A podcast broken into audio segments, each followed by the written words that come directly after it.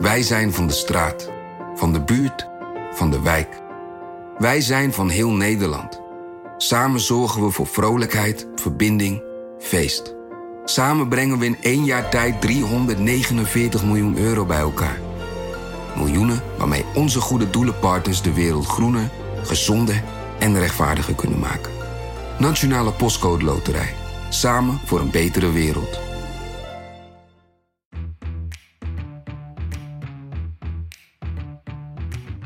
Dit is Haagse Zaken. Mijn naam is Lemia Aharwai. Te bergen. Te bergen. Te bergen. Te bergen. Te bergen. Eh, je kan het woord te bergen bijna niet meer horen. Hier, elke woordenaar is zo grappig, vind ik dat. Die spreken allemaal perfect zorgjargon. Thijs, ik ben blij dat een lokale politieke partij als Hart voor Haarlem ook een podium krijgt. Als het in de Randstad eh, regent, dan gaat het hier druppelen. Fijn dat je weer luistert. Dank voor al jullie reacties op de vorige aflevering van Haagse Zaken over de nieuwe wet op de inlichtingen en veiligheidsdiensten. Heb je nou nog niet geluisterd, dan is dit een vriendelijke reminder om een uur van je tijd te investeren zodat je voorbereid kan stemmen op het referendum over de nieuwe wet op 21 maart.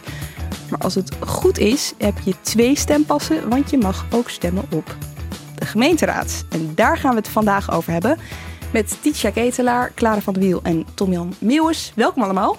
Dankjewel. Ja. We gaan het hebben over uh, de taken van de gemeente, over de thema's die er spelen en over hoe dat zich verhoudt tot de landelijke politiek, onder andere. En uh, Clara, Titia, ik begin even bij jullie. Jullie zijn in de data gedoken van 335 gemeenten. Uh, onder andere om te zien wat er lokaal speelt. Ja, die data die hebben we zelf verzameld met de hele krant. Uh, in 335 gemeenten zijn volgende week uh, gemeenteraadsverkiezingen. Um, en wij hebben de hele redactie gevraagd om um, elk drie gemeenten te gaan bellen. Om te gaan polsen van wat speelt er nou eigenlijk in jouw gemeente? En wat heeft er de afgelopen vier jaar gespeeld? Nou, dat hebben we allemaal verzameld in een heel groot Excel-bestand bij elkaar gezet. En daar zijn uh, Titia en ik vervolgens in gaan gastduiden. En voor, voor de duidelijkheid, je belt dan niet zomaar met iemand uit die gemeente, maar met de griffier? Ja, we, bellen in principe met, we hebben in principe met de griffier gebeld. Nou, soms uh, was een griffier niet beschikbaar of, of voelde zich niet helemaal gerechtvaardigd om iets te zeggen. Nou, dan mm -hmm. hebben we ook geprobeerd om bij lokale verslaggevers of bij, uh, bij de gemeente, mm -hmm. bij, bij andere mensen in de gemeente de pols van wat, wat speelt er nou eigenlijk. En Tietje, het zijn er 335, want sommige gemeenten hebben al verkiezingen gehad. Sommige hadden in november verkiezingen omdat ze uh, net heringedeeld waren of zouden gaan worden per 1 januari. En dat geldt ook voor gemeenten die in november dit jaar gaan stemmen, ook voor om dezelfde reden. Ja. Dus bijvoorbeeld in Groningen en Friesland zijn er relatief weinig gemeenten waar nu in maart verkiezingen zijn, omdat ze zijn gaan fuseren. En welke thema's kwamen jullie tegen?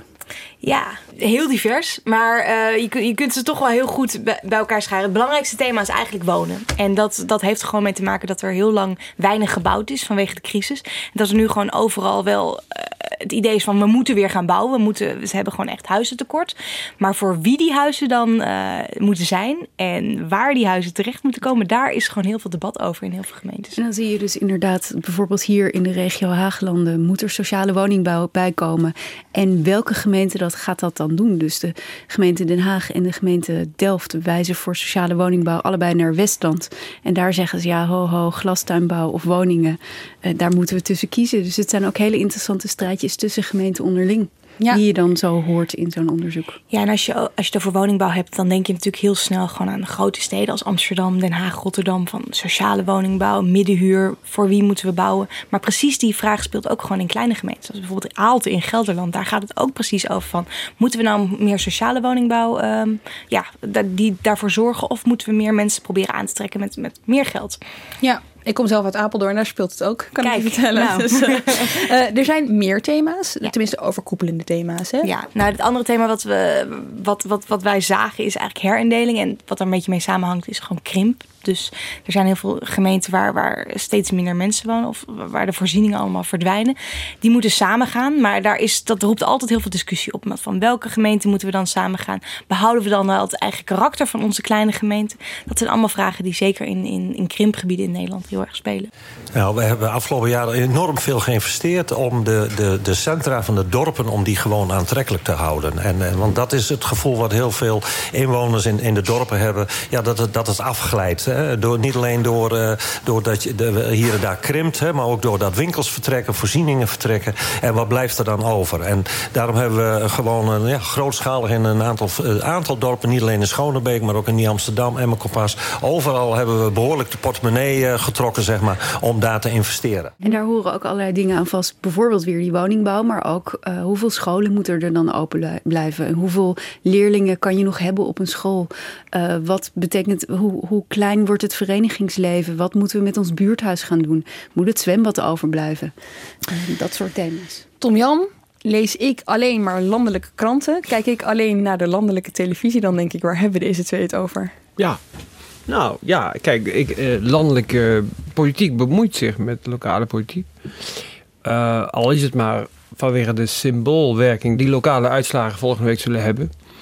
Uh, maar het is natuurlijk ook wel zo dat heel veel uh, lokale dilemma's verweven zijn met eerdere gemaakte keuzes in, uh, in de landelijke politiek. Geldt ook voor woningbouw. Hè?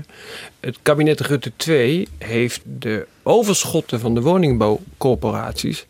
Als je hier vijf, vier en half jaar geleden rondliep, hadden alle politici het over de overschotten van de woningbouwcorporaties. Want die gingen Rutte 2 afromen omdat ze geld nodig hadden, omdat ze zoveel moesten bezuinigen. Omdat ze die afroming hebben gedaan, is er in Nederland veel minder gebouwd in die gemeente. Dus het is gemakkelijk, en het wordt veel gezegd, lokale politiek, lokale verkiezingen. Eh, laat de locals het oplossen. Uh, uh, uh, en bemoei je er niet mee vanuit de landelijke politiek. Maar dat is eigenlijk kortzichtig gedacht. Het is heel veel lokale dilemma's zijn het effect van landelijke politiek. Ja, en, dat, en dat maakt het natuurlijk een beetje ironisch dat de landelijke debatten nu vooral over thema's gaan die, ja, die lokaal heel weinig spelen. Precies. Het, het gaat hier in Den Haag veel over identiteit. Het gaat over het salaris van de nieuwe ING of van, van de ING toppa's.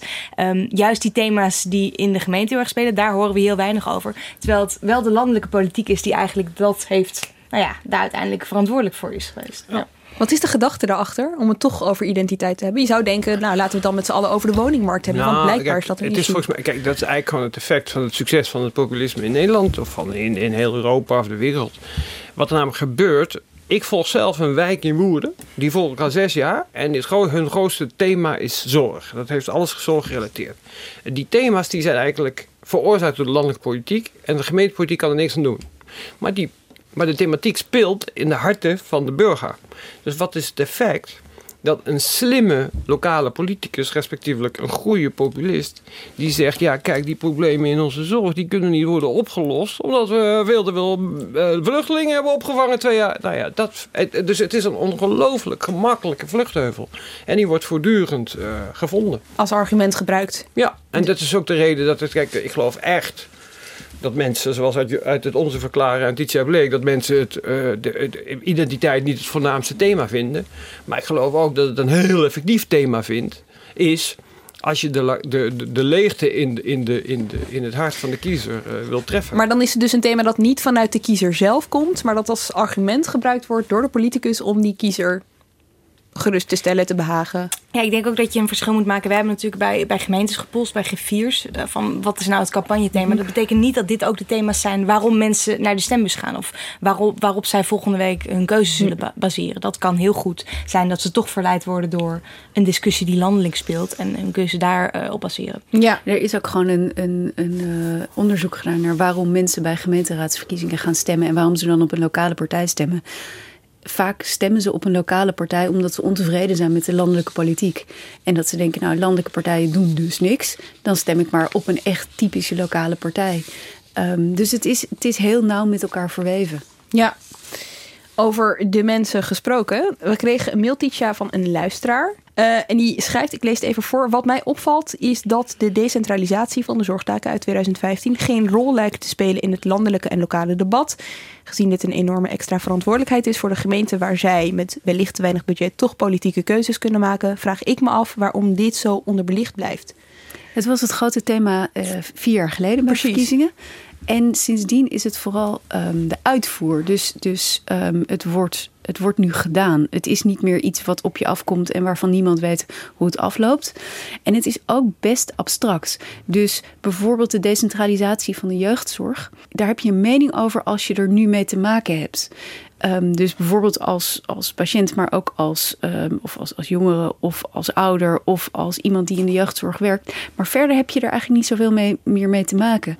En het is voor politici, ik heb een aantal zorgdebatten bijgewoond. Dan gaat het wel over zorg. Maar in de grotere debatten in zo'n gemeente tussen lijsttrekkers gaat het eigenlijk al door over inderdaad veiligheid, uh, woningbouw, uh, groen soms, of duurzaamheid. Omdat het maar zorg, dicht bij zorg, de mensen is. Zorg staat natuurlijk ook heel dicht bij de mensen, maar het is abstracter. En die de hele decentralisatie is iets waar op dit moment vooral ambtenaren en raadsleden zich mee bezighouden. Maar de manier waarop, um, burgers veel minder. Geldt toch eigenlijk ook voor duurzaamheid? Ja, maar kijk, ik, ik moet er over zorg door één aanvulling als ik mag. Kijk, het heeft wel veel politiek leed opgeleverd. Want toevallig, in Woerden is een wethouder ja. opgevallen. En ten tweede, ik was toevallig dinsdag op een debat in Zwolle. En het ging over zorg. En het draaide uitsluitend, nou niet uitsluitend, het, het, drama van het debat was dat de PvdA-wethouder door, de, door die zorgtransitie een enorm tekort heeft, waardoor ze onder vuur ligt. Dus de, de, ja, je zei het eigenlijk, maar het, dus de praktische uitwerking voor bestuurders is enorm groot. En, ehm, en die zitten er ook heel erg mee. En die hoor je dus, dus raadsleden hoor je er veel over van uh, hoe moet ik nou toezicht houden en hoe doe ik dit nou? Je hoort wethouderszorg hoor je erover, hoe ze dit in hemelsnaam gaan doen. Ehm, je hoort in commissievergaderingen in gemeenten hoor je er heel veel over. En daar zie je dus inderdaad bezorgde burgers dan zitten. Maar als thema, het is... Mm. Het, burgers raakt het niet, omdat het een organisatorisch ding is. Ja. ja. Dat is met duurzaamheid eigenlijk ook zo, denk ik. Ja, maar in woorden dus wel. Nou, zorg is in woorden een enorm groot ding, maar dat, is, dat, dat heeft bijzondere omstandigheden. Dus die hadden een ziekenhuis. En dat werd gesloten omdat dat ziekenhuis werd opgekocht door, zo'n ziekenhuis, door een ander uh, ziekenhuis uit Utrecht. In feite een buurgemeente, of althans op enige afstand. En, dat, en die ziekenhuizen die doen dat eigenlijk omdat de nieuwe zorgverzekeringswet, althans die hebben we twaalf jaar, die schrijft eigenlijk voor, of die, die stimuleert dat, dat zorgaanbieders grootschaliger worden. Het idee, het denken hier is dat als je als instelling grootschaliger bent, dat je aanbod goedkoper wordt. De zorgverzekeraars die willen dat, omdat ze denken dat daarmee de zorg in Nederland goedkoper wordt. Omdat je inkoopt? Ja, omdat je inkoopt. Dus een soort marktwerking binnen het systeem uh, introduceren. En uh, nou, nog, nog dagen later de vraag of dat een effectief systeem is. Wat voor woorden dat heeft betekend, is dat eerst het lokale ziekenhuis uh, werd opgekocht en vervolgens werd gesloten. En vervolgens en dat was, dat, dit speelde zich af, het sluitende ziekenhuis in 2015. En vervolgens is vorig jaar als gevolg van die sluiting het ziekenhuis ook de huisartsenpost gesloten. De huisartsenpost die, zorgt, die geeft huisartsenhulp s'avonds, s'nachts en in het weekend. En ah, ik kom daar al zes jaar, uh, een keer of vijf, zes, zeven per jaar. En ik heb gezien dat in 2015 met het ziekenhuis, het afgelopen jaar met die huisartsenpost, dit is het thema dat mensen bezighoudt. En uh, elke woerdenaar, dat is zo grappig vind ik dat, die spreken allemaal, die hebben perfect zorgjargon. Die hebben het allemaal over de hap. de hap, uh, dat is de huisartsenpost. En mensen hebben, uh, dus daar, dat is echt een groot ding geworden. En ik vind het, het fascinerende aan is dit alle lokale politici hebben het er dus ook over, want het zit in, eh, in eh, het mensenhart het bezig. Maar alle lokale politici, desgevraagd, zullen je vertellen: ja, we kunnen er niks aan doen. Dus hier zie je opnieuw die, die, die, die soort van schizofrene wisselwerking met nationale politiek. He, nationale politiek, die, die, kijk, politici praten altijd over beleid, over wat ze willen veranderen. Ze, hebben, ze praten nooit over wat ze hebben veranderd. En gezonde democratie, of ik zou zelf denken dat democratie beter wordt als ze ook een mechanisme zouden vinden om te praten over de dingen die ze in het verleden hebben besloten en die nu hun effecten hebben. Want wat er in dat hele debat eigenlijk is gebeurd, is dit. Mensen zijn er echt heel verontrust over. Wat, je, wat logisch is als jij een 72-jarige man of vrouw in Woerden bent. en je wordt s'nachts ziek, je hebt een huisarts nodig. dan moet je naar Utrecht rijden. Dat is een raar gevoel. Dat, is, dat voelt slecht. Uh, maar dat debat kun je eigenlijk met niemand voeren, want het is al beslist. En niemand is nog verantwoordelijk. Ja. En daar, is, daar gaat er iets echt, echt heel erg fout in onze democratie, denk ik. Ja. ja. En ondertussen zie je wel die landelijke politici overal verschijnen. We hadden het er net al eventjes over. Er was kritiek op, is kritiek op. Ehm, en ondertussen proberen zij uit alle macht aan te tonen dat ze echt wel betrokken zijn bij die lokale politiek Maar Omroep Brabant die toonde vier jaar geleden aan, toen waren er ook gemeenteraadsverkiezingen, dat het ze niet altijd even succesvol afgaat. Dag heren, woensdag is zijn de verkiezingen. Mag u een folletje meegeven? Hartstikke mooi, jongen. Ze waren er allemaal. De landelijke partijbonden kwamen even hun gezicht laten zien in Den Bosch. We willen natuurlijk zoveel mogelijk uh, zetels voor de VVD in Den Bosch. Ik, ik geef uh, onze mensen graag even een steuntje in de rug. Folderen, een praatje maken of op de foto met de premier. Daar is het om te doen.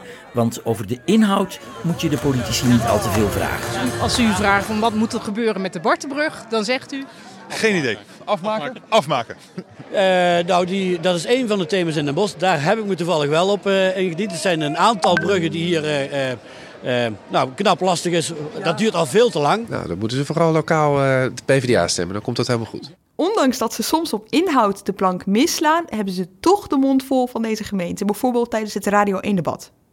Zaltbommel, Overijssel, Rotterdam, Rijswijk, Horst aan de Maas, Groesbeek, Apeldoorn, Den Bosch. Ik ben nog niet klaar. Tebergen. Tebergen. Tebergen. Tebergen. Tebergen in Amsterdam en Rotterdam. Uh, je kan het woord Tebergen bijna niet meer horen. Het Radio 1-programma Dit is de Dag toert door Nederland. En afgelopen week zonden ze uit vanuit Haarlem. En daar wilde de lijsttrekker van Hart voor Haarlem, Louise van Zetten, die wilde daar wel eventjes wat kwijt. En het is goed om te weten, Jesse Klaver zat ook aan tafel. Louise van Zetten van Hart van Haarlem, goedenavond. Ja, Thijs, ik ben blij dat een lokale politieke partij als Hart voor Haarlem ook een podium krijgt. Zeker. Weer in een uh, programma over de gemeenteraadsverkiezingen. Wat wilt u zeggen? De bemoeizucht van de overheid kent gewoon geen grenzen als het aan GroenLinks uh, ligt.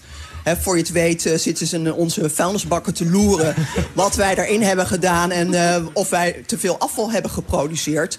En Hart voor Haarlem is, ja, en Hart voor Haarlem is er voor ons Haarlem, is, er, is voor Haarlem en we zijn er niet voor Den Haag. Nee, dat dacht ik al. Dan, dan had u wel Hart voor Den Haag gegeten. Ja, hier zien we een stukje territorium uh, veiligstellen. Ja, wat we hier eigenlijk leuk is om bij te zeggen, de vorige keer bij de gemeenteraadsverkiezingen in 2014 wonnen lokale partijen samen 28% van de stemmen. Het CDA was de grootste landelijke partij en die had 14% van de stemmen. Dus uh, ja, er is iets voor te zeggen om, om lokaal, in ieder geval als je lokaal journalist bent en als je op zo'n plek gaat, een uitzending gaat maken, om ook een lokale politicus uh, aan het woord te laten. Ja. Of om een, als je een debat hebt, lokale lijsttrekkers met elkaar te laten debatteren. Ja, voor lokale media is dat natuurlijk wel makkelijk. Maar voor landelijke media, ik bedoel, daar zullen jullie zelf toch ook tegenaan lopen, is dat een stuk lastiger. Want er zijn 335 gemeenten die er zijn naar 335 verkiezingen volgende week. En dat is heel lastig om daar één, groot, één beeld van te, van te hebben. Ja. ja. Uh, die ergernis hè, die je heel duidelijk bij deze dame merkte over nou ja, dat er dus een landelijk lijsttrekker aan tafel zat. Um, merk, merk je dat meer? Ja, Groep de Mos hier in Den Haag heeft het ook. Die, uh, uh, kwamen, en, en de Haagse Stadspartij ook. Die kwamen, de laatste kwamen geloof ik Mark Rutte tegen op een markt hier in Den Haag. En zeiden, wat fijn dat u de lokale politiek komt uh, stimuleren. Hier als een soort uh, steek. Um, ja, ja, er zijn ook gemeenten, volgens mij zijn er drie, hè, Clara, waar, waar geen enkele landelijke partij meedoet. Um, en er zijn gemeenten waar inderdaad één of twee landelijke partijen meedoen en de rest allemaal lokale partijen. Ja, ja. Want als lokale partij heb je natuurlijk kun je heel leuk flyers gaan uitdelen. Maar ja, als daar Mark Rutte aankomt lopen, dan uh, weet je wel dat het hele plein ja, de, zich richting één kant. De, de partijvoorzitter van de VVD zei uh, deze week tegen, tegen ons. Um, ja, maar wacht eens even. Bij de landelijke verkiezingen gaan al die lokale afdelingen van landelijke partijen gaan ook flyeren voor Mark Rutte in, in het geval. En waarom kan Mark Rutte dan niet een lokale politicus ondersteunen? Dus het is een soort wisselwerking. Ja. Ja, is het een helemaal gelijke wisselwerking? Vraag ik me nu af. Nee, het is totaal niet gelijk. Maar kijk, ja, om te beginnen, de mensen zijn niet gelijk. Begin, nee. dus, dus, dus, hier is niks aan te doen. Maar je kunt, het is natuurlijk het, het feitelijke effect van landelijke bemoeienis met, van, van de bemoeienis van landelijke politici met deze lokale verkiezingen, is dat er meer belangstelling voor de lokale verkiezingen komt. Want het is nu eenmaal zo, dat is een, een harde wet van de massacommunicatie. Bekendheid trekt aan. Dus eh, alle partijen, alle ook lokale partijen die uh, die deelnemen aan, aan de verkiezingen volgende week, die hebben er baat bij uiteindelijk dat landelijke politici zich met deze nou, verkiezingen bemoeien. Dat is wel in, in algemeenheid is dat wel zo. Er is wel eens een partij uh, die dat toch uh, niet helemaal zo voelt. Ik kan me herinneren dat Jan-Peter Balkenende op een gegeven moment zo impopulair was dat de lokale CDA-afdelingen liever niet hadden dat hij langskwam. En op dit moment was er ook een lokale afdeling in Brabant die had gezegd Den dat. Oh, Den Bosch was het, ja. Die had gezegd van laat Buma maar liever niet niet, uh, Siban Buma maar liever niet langskomen. Dat is namelijk niet zo'n carnavalstype. Ja. Uh, ze hadden liever Hugo de Jonge, de minister van Volksgezondheid. Want dat is... Uh, meer een carnavalstype, geloof Ook ik. Bijna een soort populariteitsspelletje. Ja, zeker. bijna. Dus, ja. ja, en, maar goed, oké. Okay, ik, ik snap het argument in principe wel van... Hè, je weet dat er verkiezingen spelen. Maar kijk, ga je dan ook zoeken op de lijst naar Mark Rutte, weet je wel? Of naar Sibrand van Haarsma Buma. Ik bedoel, hoe eerlijk is het om zo'n landelijke lijsttrekker er neer te zetten... Als je uiteindelijk dus helemaal niet op zo'n landelijke lijsttrekker kan stemmen. Ja, het is in die zin, ja, is het eerlijk. Het is, het is, het is een manier van campagne voeren. Dat, ja, dat, dat kun je oneerlijk vinden. Maar aan de andere kant ga je er wel vanuit dat een lokale partij uh, min of meer dezelfde idealen deelt als, als de landelijke uh, partij waar ze van afstammen. Dus, en, ja. en het betekent ook niet dat Um, ik, weet niet of het is uitgezocht, maar er zijn een heleboel gemeenten waar lokale partijen gewoon de grootste zijn. Neem Zoetermeer. Een voormalig landelijk politicus leidt daar de lijst Hilbrand Nawijn. En dat is de grootste partij in de gemeente. Um, Rotterdam. Rotterdam, Leefbaar Rotterdam. Er zijn, er zijn genoeg gemeenten waar landelijke, uh, lokale afdelingen van landelijke partijen niet de grootste zijn. Mm -hmm. Er zelfs, uh, zijn zelfs twee gemeenten waar helemaal geen landelijke partijen in de gemeenteraad zitten. In Druten bijvoorbeeld in Gelderland. En uh, in, volgens mij ook in Vlieland was dat ook zo, toch? Ja, nou ja, dat, dat, dat zijn, daar doen landelijke partijen niet eens meer mee.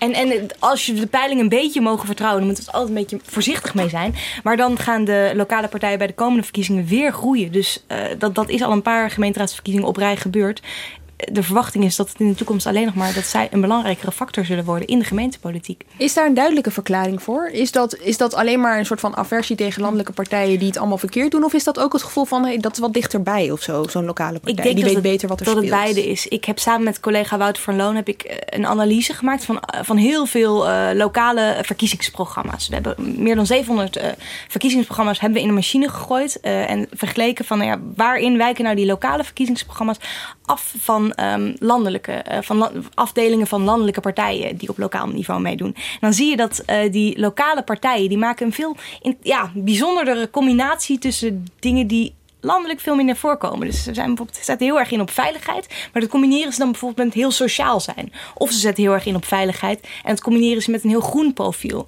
Nou, dat soort partijen die zijn er landelijk helemaal niet, maar lokaal werkt dat kennelijk. Is dat iets wat mensen heel erg aanspreekt? En dan heb je ook nog uh, de gemeentebelangenpartijen. Zeker hoe groter de gemeenten worden na herindelingen, dan zie je vaak gemeentebelangen of dorpsbelangen opkomen van dorpen die samengevoegd zijn. En een dorp denkt opeens, maar we moeten onze eigenheid moeten we wel vasthouden. En dan komt zo'n dorpsbelangpartij op. Ja, ik, ik, zit, ik zit nu eventjes te denken. We hebben een fragmentje klaarstaan. En dat wil ik toch even laten horen. Ook omdat het gaat over woorden. Ik vroeg me af of dit iets was van alle tijden. Weet je wel? Die ergernis over landelijke politici die, uh, die zich bemoeien met gemeenteraadsverkiezingen. En toen kwam ik een filmpje tegen uit 2010. Uh, en daar zat een, een lijsttrekker van Inwonersbelangen Woerden. Elian Blom. Die zat op een fiets en die vertelde al tijdens het fietsen waar hij zich zo aan ergerde. Elias Bom is 23 jaar en lijsttrekker van Inwonersbelangen Woerden. Volgens hem gaan landelijke politieke kopstukken aan de haal met de gemeenteraadsverkiezingen. Zijn jullie PvdA geworden tegenwoordig dat je roos uitdeelt? Uh, nou, dat gaat wel om de vraag, kan ik spelen in een veilige buurt? De landelijke politici die bemoeien zich met uh, gemeenteraadsverkiezingen. En wij zijn een lokale partij, we gaan uit van onze eigen kracht. En wij hebben geen landelijke kopstukken nodig om te vertellen wat goed voor Woerden is. Wat vindt ja. de burgemeester van Woerden daarvan? Nou ja, lokale partijen die ontberen natuurlijk eigenlijk zulke landelijke kopstukken. Uh, op zich is dat jammer. Je staat dan uh, soms een beetje op achterstand. Aan de andere kant denk ik dat uh, de landelijke kopstukken voldoende hebben in Den Haag te doen. En ik vraag me eigenlijk af of ze zich ja, op deze manier met lokale politiek moeten bemoeien. Hij zit in de raad, hè? Ja, maar dit is wel echt een schitterend voorbeeld. Ik moest er erg om lachen, omdat uh, deze man, Elias Bon, die is in veel opzichten uh, toch het prototype van een lokale politicus. Want wat veel van die partijen doen is uit elkaar vallen. En dat is hier ook gebeurd, want dit is uit 2010. Ik ben Woerden in 2012 gaan volgen. En uh, toen heb ik Elias leren kennen als uh, leider van de partij Sterk Woerden, wat een afsplitsing is van inwonersbelangen. En overigens is hij, heeft hij recentelijk besloten om uit de politiek te stappen. Dus het is ook wel zo dat, kijk, politiek is tot op zekere hoogte een vak. Je, je moet de kunst verstaan om om het met anderen oneens te zijn en toch in een gezamenlijk verband te blijven. En uh, ik moet nu oppassen dat ik niet ga generaliseren, maar ik heb toch sterk de indruk, althans laat ik het zo zeggen. In Woerden is gebleken, heel precies, jaren, ja. dat het met name voor die lokale partijen heel moeilijk is om dat laatste aspect, dat uh, in gezamenlijk verband actief blijven. Dat is gewoon heel moeilijk. Er zijn nu drie lokale partijen, mede dankzij Elias Bom. Wat lokale partijen niet hebben, is die steun van een landelijke partij. Dus de scholing, um, uh, leren hoe je een motie moet indienen. Uh, gewoon het, het, politieke handwerk. Plus dat je eens een keer een vraag kan stellen aan iemand die in een andere gemeente zit. en jouwzelfde ideologische kleur heeft van hoe doen jullie het nou eigenlijk? En dan komt er ook nog eens bij dat, dan moet ik ook oppassen, maar dat in de lokale politiek, maar dat is niet alleen voor lokale partijen, ook wel eens grote ego's een rol spelen. En die zitten dan samen in één partij. En dat worden dan snel twee partijen. Ja. Afsplitsingen. ja. Is net zoals landelijke politiek eigenlijk. Nou ja, zeker, ja en je, maar ik, het is, kijk, er zit hier nog een heel interessant aspect aan. Kijk, dus je hebt aan de ene kant in die in, de in, woorden is dat hè, de lokale politici die heel erg ook spelen op het imago van ja, luister, wij zijn geen landelijke politici die alles beter weten. Wij, uh, wij zijn, uh, komen uit de gemeenschap. En aan de andere kant heb je die landelijke partijen en die produceren, dat is ook een feit, heel erg mensen die claimen dat zij wel weten hoe het zit. En eh, een van de dingen die in Woerden het afgelopen jaar ook is gebeurd, is bij die uitvoering van de, van de WMO, die, die langdurige zorg, had, had je een D66-wethouder. Even voor duidelijkheid, dat is een van de taken die is overgeheveld. Ja, precies, dat is die overgeheveld taak. Had je een D66-wethouder. Nou, die wist wel hoe je daar, hoe je daar een ICT-programma van moest kon maken, want hij kwam uit die business. Dus uh, zijn collega moest het eigenlijk doen, maar toen ging hij helpen. Uh, en toen bleek hij vervolgens ook nog aandelen in die business te hebben. Dus toen leidde dat tot vragen. End of story, die man trad af. Maar nu komt het. De buurgemeente, Oudewater, die had ook zo'n wethouder nodig. En die man, die is drie maanden later als D66-wethouder aangetreden in Oudewater, de buurgemeente, die gebruik maakt van hetzelfde ambtelijke apparaat als Woerden. Kortom, professionalisering heeft ook een logica. Het is, het is een heel paradoxaal ding. Dus amateurisme tot op zekere hoogte is, een, is, is aantrekkelijk voor lokale kiezers, lokaal georiënteerde kiezers. Maar in het bestuur hebben ze vervolgens enorm belang bij mensen die het professioneel in staat zijn te doen. Ja, dan zou je kunnen zeggen, nou ja, D66 is dan dus eigenlijk een voorbeeld van niet. Maar je zou denken, weet je, landelijke partijen, of hoe noem je dat? Dochterbedrijven, uh, dochterpartijen dan die in de raad zitten, zullen we dat zomaar noemen? Lokale afdelingen. Lokale, Lokale afdelingen, inderdaad. Hebben die het makkelijker? Wat betreft die professionalisering. Krijgen die, uh, nou ja, krijgen die sturing, krijgen ze hulp? Ze hebben ook, maar daar kan Clara misschien meer over vertellen, ook soms last van, uh, juist last van landelijk. Um, bijvoorbeeld neem de uitbreiding van Lelystad. Ja, dat kan zeker. Uh, in Lelystad zijn bijvoorbeeld verschillende lokale afdelingen van landelijke partijen... die eigenlijk heel erg groot voorstander zijn... van de snelle opening van die, van die uitbreiding van, uh, van, van Lelystad Airport. Bijvoorbeeld de Partij van de Arbeid, maar ook D66. En beide partijen hebben afgelopen jaar hier in Den Haag... in de Tweede Kamer een fikse draai gemaakt. Die zijn nu alle twee voor uitstel. En onlangs is ook besloten om het uit te stellen. Nou, er zijn die lokale afdelingen van die landelijke partijen daar in Lelystad... helemaal niet gelukkig mee. Wat wat je wel ziet, is dat um, lokale afdelingen van landelijke partijen inderdaad ook gebruik kunnen maken van de professionaliteit van een landelijke partij. Als voorbeeld een MKVD 66. Die kwamen vier jaar geleden, kwamen zij uh, met, uh, groeiden zij ontzettend. Kwamen ze opeens in zo ontzettend veel gemeenteraden. Kwamen ze met heel veel zetels, kwamen ze erin. Ze gingen op heel veel plekken besturen. Nou, dat heeft, D66 heeft geprobeerd in ieder geval om dat heel professioneel aan te pakken. Er werd heel veel coaching werd erop gezet. werden allerlei landelijke coaches werden ingevlogen in gemeentes om eigenlijk mensen te gaan coachen om een goed uh, coalitieakkoord akkoord te sluiten. Om de juiste wethoudersposten te krijgen. Er was zelfs een grote pool van wethouders waaruit, uh, waaruit geput kon worden om, om op verschillende gemeentes een wethouder aan te stellen. Gewoon om ervoor te zorgen dat zij een professionele bestuurspartij niet altijd, e dat is niet, altijd, dat is niet altijd overal even goed gegaan. Maar ze hebben in ieder geval wel, ze hebben dat wel professioneel ja, aangepakt. Ja, ja. Um, dus partijen doen er wel heel erg hun best om daar, uh, om daar ook inderdaad landelijk enige sturing uh, in aan te brengen. Ja, en dat, daar ben je nog wel blij mee. Maar wat je, waar, waar het net over ging, over die belangen. Ik kan ja. me voorstellen dat je daar dat, af en toe nog wel Dat loopt soms uit elkaar. Nou, ik weet dat heel veel lokale afdelingen van D66 op dit moment gewoon niet blij zijn met de discussie over het raadgevend referendum. Die nu nou ja, landelijk uh, het debat heeft beheerst. Want ook al ga je daar niet over, waarschijnlijk word je daar wel op aangesproken. Je wordt heel erg tijdens de flyer word je erop aangesproken. Dat is bij D66 bijvoorbeeld nu het geval. Um, in Arnhem is er een, is er een lokale SP-afdeling die heel erg voor de milieuzone is. In Arnhem gaan ze de, de, de strengste milieuzone van heel ja. Nederland invoeren. Um, nou is de landelijke SP, op dit moment uh, is niet helemaal duidelijk wat ze nu vinden, maar een paar jaar geleden waren ze in ieder geval nog fel tegen zulke uh, strenge milieuzones. Want uh, dat zouden mensen met een kleine beurs toch treffen, want die hebben vaak een oudere auto en die zouden dan het centrum niet meer in kunnen. Terwijl de SP in Arnhem zegt, nou, mensen met een kleine beurs, die zitten op de fiets. En die hebben gewoon hartstikke last van, van de milieuvervuiling. Dus hup, die milieuzone erin. Um, mag is... dat? Mag dit? Mag dit? Of heb je dan, krijg je dan problemen met nou, je... Nou, uh, in principe mogen zij dat daar vinden. Ja, ze mogen dat daar invoeren. Ja, tuurlijk, ja, kijk, als, het, mag, het, het maar krijg, niet, krijg je problemen met je partij? Dat, dat hangt er maar helemaal vanaf. Uh, nou, in kijk, dit geval denk ik niet dat er heel veel zal gebeuren. Maar... Nee, maar we hebben deze week natuurlijk wel gezien in Rotterdam en dat ja. linkse akkoord. Daar, eh, dat viel uit elkaar, maar dat viel ook uit elkaar omdat voor veel van die mensen duidelijk was dat hun landelijke leiders het nooit een goed idee hadden gevonden. Hm. Ik bijvoorbeeld de SP zat daarin. En uh, het was voorkomen duidelijk hier dat als je hier met SP'ers op het Binnenhof ging praten, dat ze het een absurd slecht idee vonden dat hun partij met een. Uh, dus en die dingen die hebben natuurlijk hun effect. Maar ja, in feite zijn alle politieke partijen hetzelfde ge georganiseerd. Lokale afdelingen zijn autonoom. Dus ze kunnen, ze kunnen naar gang gaan. Ja. Ze, kunnen niet, ze kunnen niet 180 graden iets anders vinden dan, dan landelijk. Het is meer dat er een soort landelijke lijn zit en dat je dat lokaal invult. Zeiden eigenlijk alle partijvoorzitters die wij spraken.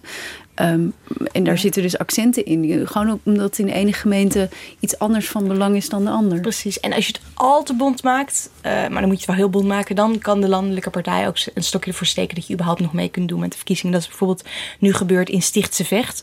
Een gemeente waar heel vaak gedonder is in de politiek. En dat was Vier er wethouders uh, opgestapt afgelopen. Ja, precies. Wow. Uh, Wat doen nou, ze daar, daar goed of fout?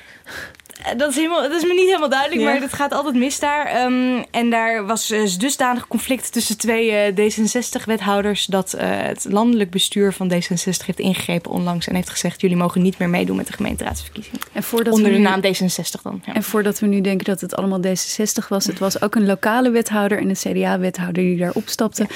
En een van onze collega's kreeg te horen toen wij belden dat het daar een politieke slangenkuil was. En dat is dus ook het grote thema in uh, Stichtse Vecht. Hoe voer je daar thema, hoe voer je daar campagne op, vraag je je toch af. Maar even dat, ja, dat, is, dat is, ik bedoel, dat, dat is het lastige. Dat in sommige gemeenten is de politiek zo'n uh, ratje toe geweest. Of zo'n, ze zijn zo rollenbollend mm -hmm. over, door het gemeentehuis gegaan met elkaar. Dat dat dan het thema wordt. Mm -hmm. En dat is inderdaad een lastig thema om, om vervolgens campagne te voeren. En te zeggen, de politiek is wel belangrijk en stem voor ons. Mm. Er zijn partijen, Clara, die uh, wel eisen stellen aan uh, wat er in het verkiezingsprogramma komt te staan. Uh, tenminste, er is één partij die dat doet en dat is de PVV. Jij hebt de dankbare taak op je genomen om alle verkiezingsprogramma's van lokale PVV-afdelingen. Het zijn er 30 volgens mij? Ja, het zijn er 30. Ja, nou, al, al, was er eentje nog niet beschikbaar. Of in ieder geval, die kon ik nergens vinden. Dat is de PVV Zandvoort. Daar mm -hmm. ontbreekt vooralsnog elk spoor van. Die denken er na. Ja. ja. En wat, wat, wat, wat kwam je tegen? Want zij moeten het hebben over de islam. Nou ja, de afgelopen maanden uh, waren er voornamelijk afgehaakte PVV-kandidaten. Kijk, PVV heeft vorig jaar heeft ze bekendgemaakt van we willen in 60 gemeenten mee gaan doen. Meld u aan als u, als u erbij wil komen. Uh, nou ja, dat is niet helemaal gelukt. Want uiteindelijk doen ze nu mee in 30 gemeentes. En van kandidaten die afvielen eigenlijk voordat de daadwerkelijke lijst werd opgesteld. Daar hoorden wij heel vaak van, of van collega's van mij. Um, het gaat alleen maar over islam. We mogen het alleen maar over islam hebben. Terwijl hier in, in de gemeente Nissewaard of in gemeente Achtkarpselen in, in Friesland, daar hebben we helemaal geen probleem met de islam. Waarom, waarom moeten we het daar alleen maar over hebben? Nou, ik heb gekeken van hoe, in hoeverre is dat nou terug te zien in die PVV-programma's. Nou, blijkt inderdaad dat in elk um, PVV-programma van Sittard Geleen tot Achtkarpselen tot Delfzijl tot uh, Terneuzen, overal zit inderdaad een forse um, islamparagraaf in. De moskeeën moeten dicht. Uh, hoofddoekjes mogen niet in publieke functies. Is er een moskee in Achtkarpsel? Nee, die is er niet, maar die mag er ook niet komen. en dan schrijft Achtkarpsel bijvoorbeeld van... nee, van islamisering is nog geen sprake, maar we moeten waakzaam blijven. En als het in de Randstad uh, regent, dan gaat het hier druppelen. Um, dus in, in die zin zit het overal wel in. Maar daarnaast uh, kiezen sommigen... Kijk, PVV hier landelijk had maar één A4'tje als, als uh, partijprogramma in bepaalde gemeentes hebben ze pagina-lange uh, partijprogramma's van, van 15 pagina's. Met allerlei maatregelen over zorg, over onderwijs, over verkeer, over de lokale voorzieningen. Um, het, gaat heel, het gaat alle kanten uit. En je, hebt, je zou dus wel kunnen spreken van dat er een bepaalde lokale PVV-ideologie wel is. Ja. Oh, kun je daar iets meer over vertellen? Nou ja, ze zijn bijvoorbeeld allemaal voor het openhouden van de bibliotheek. Dat komt overal, uh, komt overal terug. Goed verlichte fietspaden is nog zoiets wat overal terugkomt. Uh, uitbreiding van de directe democratie. Ze zijn allemaal voor bindende referenda. Ze zijn voor burgerfora. Ze zijn voor uh, het vaker aanspreken van de burgers op straat. Dat, dat schrijven ook meerdere. Um, dus het is, het is een veel breder programma eigenlijk dan wat de PVV hier landelijk in ieder geval heeft gepresenteerd in haar partijprogramma. Ja, schoolzwemmen toch ook? Schoolzwemmen ook, inderdaad, ja. Nog eventjes uh, die uh, mannen en vrouwen die in een jasje met een partijlogo erop buiten aan het flyeren zijn en de vraag krijgen waarom dat referendum toch is afgeschaft of waarom die donorwet toch is doorgevoerd, zaken waar zij helemaal niet over gaan. Titia, laten we eindigen met een soort van verheldering. Waar gaat de gemeenteraad nou eigenlijk niet over? Um, ja, dat is een hele ingewikkelde vraag, maar om een voorbeeld te noemen dat iemand uh, tegen mij zei van, de, uh, van een van de lokale partijen hier in Den. Die vertelde dat hij op straat werd aangesproken over de orgaandonatie. Daar gaat de gemeente niet over. Daar gaan lokale partijen dus ook niet over. Um, de afgelopen vier jaar was, uh, waren asielzoekerscentra waren een groot thema. Er is een verdeelsleutel van het Rijk hoeveel asielzoekers of statushouders een gemeente krijgt. Een gemeente gaat dus niet over de hoeveelheid, alleen wel over waar dan zo'n centrum komt te staan of waar ze gevestigd worden. Hetzelfde geldt over onderwijs. De gemeente gaat niet over de inhoud van het onderwijs.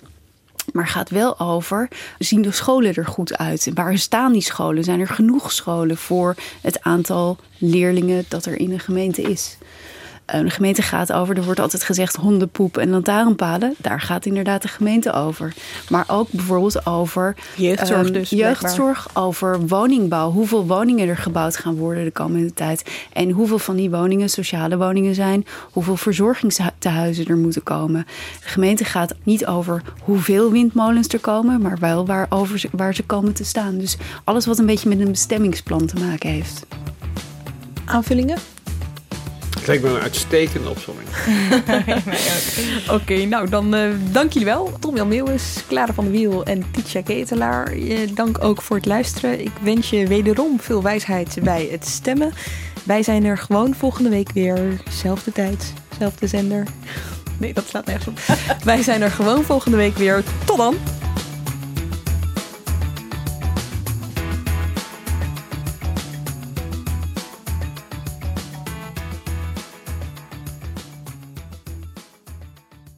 Je hebt aardig wat vermogen opgebouwd. En daar zit je dan, met je ton op de bank. Wel een beetje saai, hè? Wil jij, als belegger, onderdeel zijn van het verleden of van de toekomst? Bridgefund is een slimme fintech die een brug slaat tussen de financiële behoeften van ondernemers en van beleggers. Dus wie belegt bij Bridgefund krijgt niet alleen een mooie vaste rente, maar brengt ook ondernemers in beweging. Echt waar, met die ton kan je zoveel betere dingen doen. Bridgefund. Make money smile.